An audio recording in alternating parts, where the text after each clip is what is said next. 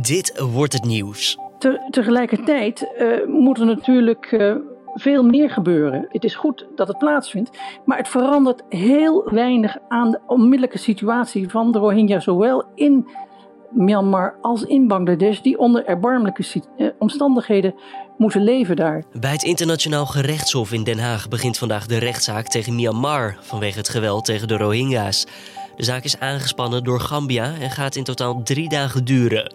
Myanmar wordt beschuldigd van het plegen van genocide op de islamitische Rohingya-meerderheid in 2017. Daarbij kwamen tienduizenden Rohingya's om het leven en honderdduizenden sloegen op de vlucht.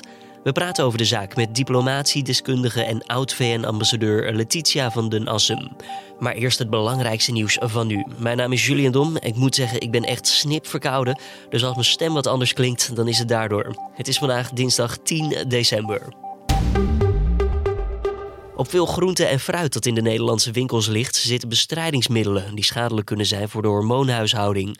Dat blijkt uit onderzoek van de Nederlandse Voedsel- en Warenautoriteit, de NVWA. Dat onderzoek is in opdracht van Trouw gedaan. In ongeveer de helft van de Nederlandse verkochte Spaanse nectarines, druiven en perziken zitten stoffen die kunnen bijdragen aan onvruchtbaarheid, aangeboren afwijkingen, overgewicht, diabetes, ADHD en autisme. Vooral zwangere vrouwen en baby's zijn kwetsbaar, al dus het onderzoek. Europa moet in 2050 het eerste klimaatneutrale continent ter wereld zijn. En om dat te realiseren presenteert Eurocommissaris Frans Timmermans van Milieu morgen een pakket met maatregelen die de gehele Europese wetgeving omgooit. Dat schrijft Volkskrant. De plannen hebben grote invloed op de industrie, de transport- en energiesector en de landbouw. En variëren van de renovatie van miljoenen huizen tot het planten van ruim 2 miljard bomen. De deal moet niet tot ruzie binnen de EU zorgen en daarom komt er ook een overgangsfonds van 100 miljard euro. Oostelijke landen die vrezen het hardst te worden aangepakt door de regels, willen daardoor waarschijnlijk ook het verdrag ondertekenen. De Russische president Vladimir Poetin en zijn Oekraïense collega Volodymyr Zelensky hebben een wapenstilstand afgesloten. Voor het eind van het jaar moeten de gewelddadigheden in Oost-Oekraïne ten einde zijn. Dat hebben de twee afgesproken in Frankrijk. Over de status van het gebied zijn beide presidenten het niet eens geworden. Ook over de grenscontrole tussen de regio en Rusland en over het organiseren van lokale verkiezingen lopen de standpunten nog uiteen. En daarover praten de presidenten over vier maanden opnieuw in Frankrijk. The Washington Post meldt dat de Amerikaanse overheid jarenlang de bevolking heeft voorgelogen over de oorlog in Afghanistan. Met valse beweringen werd een veel rooskleuriger beeld geschetst dan werkelijk het geval was.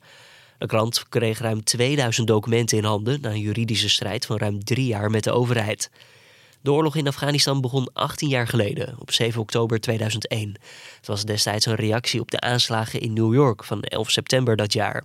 Het oorspronkelijke doel was om terreurgroep Al-Qaeda aan te vallen en te verslaan.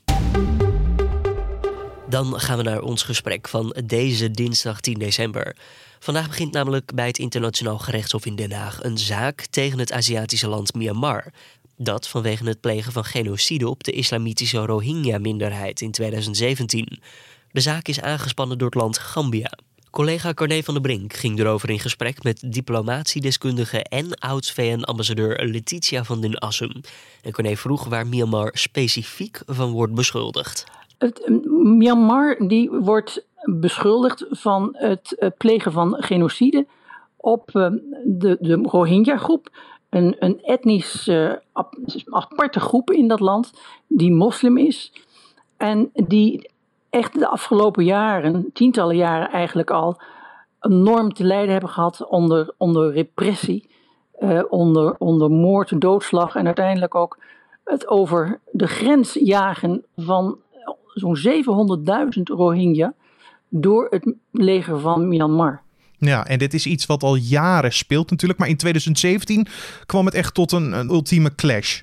In 2017 waren er een aantal van die Rohingya's die uh, met, met, met heel rudimentaire uh, wapens, met, met stokken en, en, en, en met messen, uh, de, het leger te lijf zijn gegaan.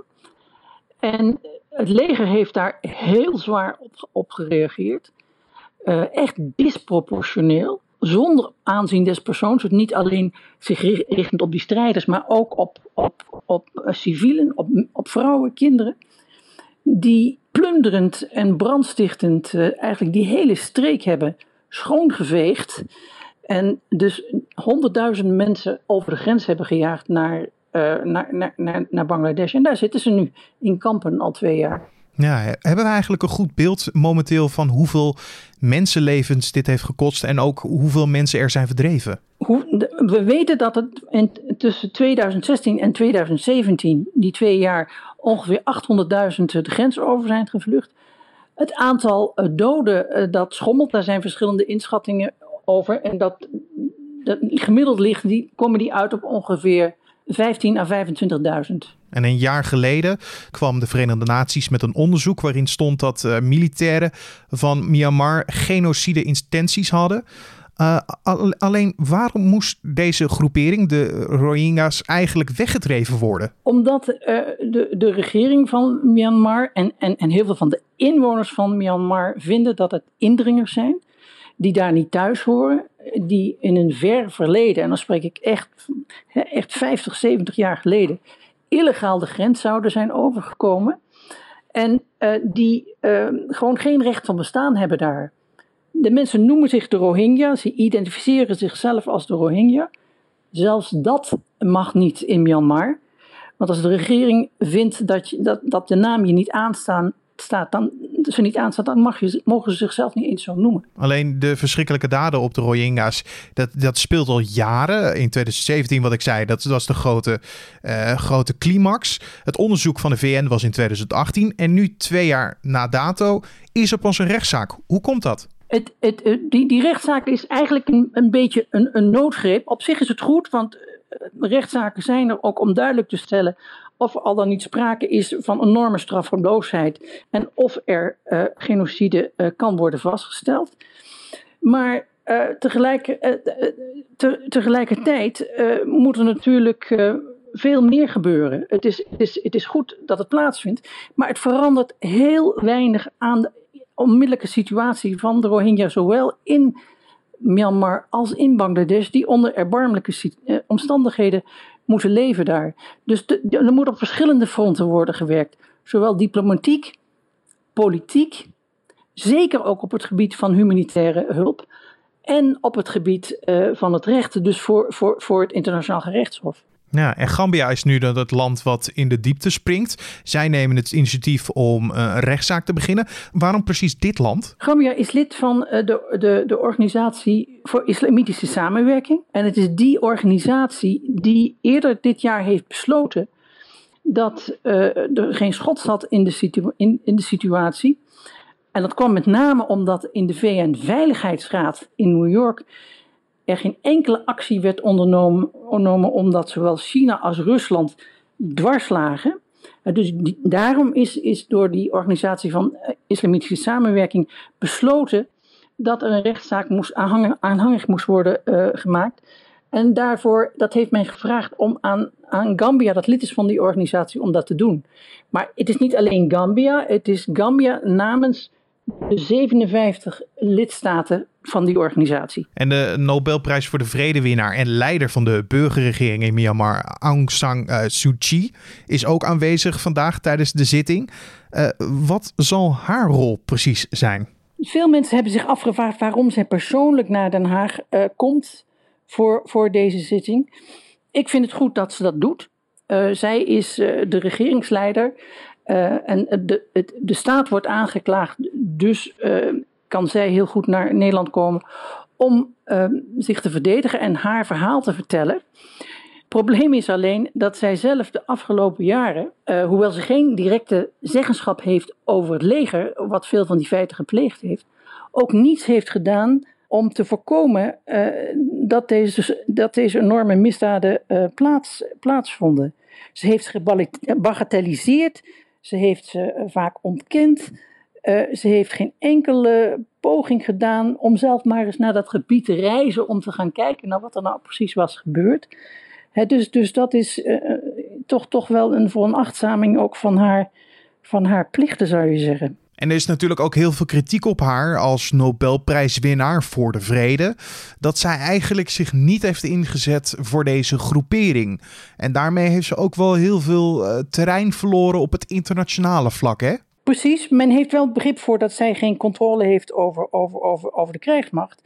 Maar als leider van, van zo'n land moet je toch echt laten zien dat je in staat bent en echt ook uh, bereid bent om dat land bij elkaar te houden en te zorgen dat zeker de mensen die door, door de kieren uh, echt uh, wegdreigen te zakken, dat, die, um, in, in, dat, dat, dat, daarvoor wordt gezorgd, dat er wordt opgetreden tegen de mensen die, die die zich uitlaten over hen op, op, op manieren die echt niet kunnen. En die eigenlijk vaak uh, het eens zijn met wat het leger doet. Want als we kijken naar het land aan zich, Myanmar, hoe denkt u dat uh, zij naar deze zaak kijken? Een groot deel van de bevolking die uh, laat merken dat ze achter Suu Kyi staan voor, voor, deze, voor haar gang naar Den Haag en haar, haar poging om uit te daaruit te gaan leggen hoe dit heeft kunnen gebeuren en, en waarom het geen genocide is.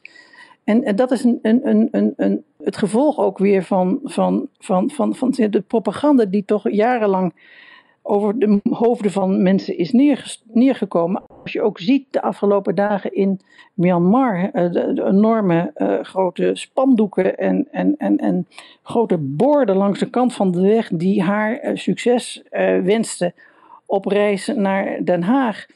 Uh, dan denk je toch van ja, bedoel, dit komt ergens vandaan. Dit is niet zomaar iets. Uh, dit, is echt een onderdeel van de poging om dus ook binnenlands de steun voor haar en haar regering in stand te houden. Want als we kijken naar de uitkomst van deze zaak, mogelijke uitkomst, wat zou deze rechtszaak kunnen betekenen voor de Rohingya's en, en voor Myanmar? Nou, voor, voor, voorlopig, wat de komende dagen gaat gebeuren, is dat er met name gekeken gaat worden naar het verzoek van Gambia om ervoor te zorgen uh, dat uh, uh, de regering van Myanmar en het leger ophouden met enige alle activiteiten die ertoe bijdragen dat de genocide voortduurt. Um, dat is wat, er, wat besproken gaat, gaat worden. Dat is een, van enorm groot uh, belang. Het, het zal niet onmiddellijk veel effect hebben, maar het feit dat uitgesproken wordt, uh, wellicht dat er aanleiding is om dergelijke maatregelen te nemen tegen Myanmar, dat zegt al heel veel. Helaas is het wel zo dat het internationaal gerechtshof een hele volle agenda heeft en dat dit niet een kwestie is van over een paar maanden is dit afgelopen. Dit gaat jaren duren. Je hoorde diplomatiedeskundige en oud-VN-ambassadeur Letitia van den Nassum. En wil je op de hoogte blijven van deze zaak? Hou dan onze site of app in de gaten. En dan nog even de flitsagenda voor deze 10 december. Ik zeg flitsagenda omdat we er snel en kort doorheen gaan. Zo krijgt in Nieuw-Zeeland het parlement een update over de aanslagen van Christchurch. Dat was 15 maart van dit jaar. Toen schoot een man daar 51 mensen dood en 50 anderen raakten gewond. De 16-jarige klimaatactiviste Greta Thunberg die spreekt vandaag op de klimaattop in Madrid. En in Finland treedt de jongste premier ooit ter wereld aan. Het gaat om de 34-jarige Sanna Marin en die volgt de afgetreden Antti Rin op. En Antti Rin is trouwens opgestapt omdat het vertrouwen in hem werd opgezegd vanwege aanhoudende stakingen in Finland. Dan ook nog eventjes het weerbericht voor deze ochtend. Van tijd tot tijd laat de zon zich nog even zien, maar vanuit het westen neemt de bewolking geleidelijk wel toe. In de middag zal het opnieuw stevig waaien en aan de kust kan het zelfs stormachtig worden. Warmer dan een graad of 6 wordt het niet. In de loop van de avond trekt vanuit het westen een, een neerslaggebied over het land. En dan één puntje die we bij de agenda niet hebben genoemd, maar die we hier bespreken: Ajax. Vanavond spelen ze namelijk een belangrijke Champions League-wedstrijd tegen het Spaanse Valencia. De wedstrijd is belangrijk omdat deze zal bepalen wie mag overwinteren in de Champions League. De Amsterdammers hebben twee kansen om door te dringen tot de achtste finales van het miljoenenbal. Eentje als er minimaal gelijk wordt gespeeld tegen Valencia. Dan is de ploeg van Erik ten Hag sowieso geplaatst. En mocht dat onverhoopt niet lukken, dan moet Ajax hopen dat het al uitgeschakelde Lille ervoor zorgt dat Chelsea in Londen niet zal winnen. Oftewel, Lille moet dan van Chelsea winnen. Ajax mist in de selectie Quincy Promes door een blessure. En dat is een groot gemis voor de Amsterdammers. En dat vinden ook een nu-sportverslaggever Riepke Bakker en cameo-journalist Bas Scharwachter. Ajax is uh, bijna de meest dodelijke club van, van de Champions League. Moet je even raden welke is de dodelijkste? Uh, Barcelona, Juventus? nee, Dynamo Zagreb. Dynamo oh. Zagreb heeft nog minder kansen, kun je zeggen, nodig dan Ajax om te scoren. Maar Ajax Had ook heel dodelijk. Ook, ja. 47, nee, 47 inzetten en dan gingen er 12 van in. Nou ja, de personificatie van die dodelijkheid is Quincy Promes. Uh, vier goals in de Champions League gemaakt, bijna iedere wedstrijd gescoord. Ja. Nou ja, dus zonder Quincy Promes is dit Ajax gewoon een stukje minder dodelijk. Ja, natuurlijk. Hè. Dat is uh, kwaliteit spelen. belangrijk in ons aanvalspel. En uh, ja, als je al Labiat en Neres moet missen, en dan komt hij erbij. Maar het is zoals het is. En ja, verder hebben we nog steeds uh, spelers en een selectie die dat kunnen opvangen. Ja, we hebben het wekenlang gehad over die connectie tussen Ziyech en Promes. Met wie moet Ziyech nu gaan connecten? Ja, er is bijna niks meer over. En als je de buitenspelers even kijkt, wie kan er aan de zijkant spelen? Ik denk dat Ziyech moet dan vanuit het middenveld naar de zijkant worden gezet. Tadic zou dan uit de spits naar de zijkant moeten gaan. En verder, ja, Noah Lang is dan over. En verder uh, is er eigenlijk niks meer. Ja, er treden er eentje mee, hè? Ja, Sontje Hansen zag Sontje Hansen, ja, WK uh, topscorer onder 17, ja. 17 jaar. Ja, die zal niet gaan spelen. Maar het zegt wel iets dat hij meetraint over uh, hoe dun Ajax op dit moment in de, in de vleugelspelers zit. Als je de hele voorbeschouwing wil zien, dan kan je op de link in de beschrijving van deze podcast klikken. Je hoorde nu sportverslaggever Riepke Bakker en cameo-journalist Bas Scharwachter. De wedstrijd tussen Ajax en Valencia die begint vanavond om 9 uur in de Johan Cruijff Arena. En dit was dan de Dit Wordt Het Nieuws ochtendpodcast van deze dinsdag 10 december. Heb je tips of feedback voor ons? Dan kan je het altijd mailen naar podcast.nu.nl. Tips en feedback over hoe je verkoudheid tegengaat zijn ook zeker welkom. Die mogen naar julien.nu.nl, kan het goed gebruiken. En dan wens ik je voor nu in ieder geval een hele fijne ochtend. Mijn naam nogmaals Julian Dom en tot morgen weer.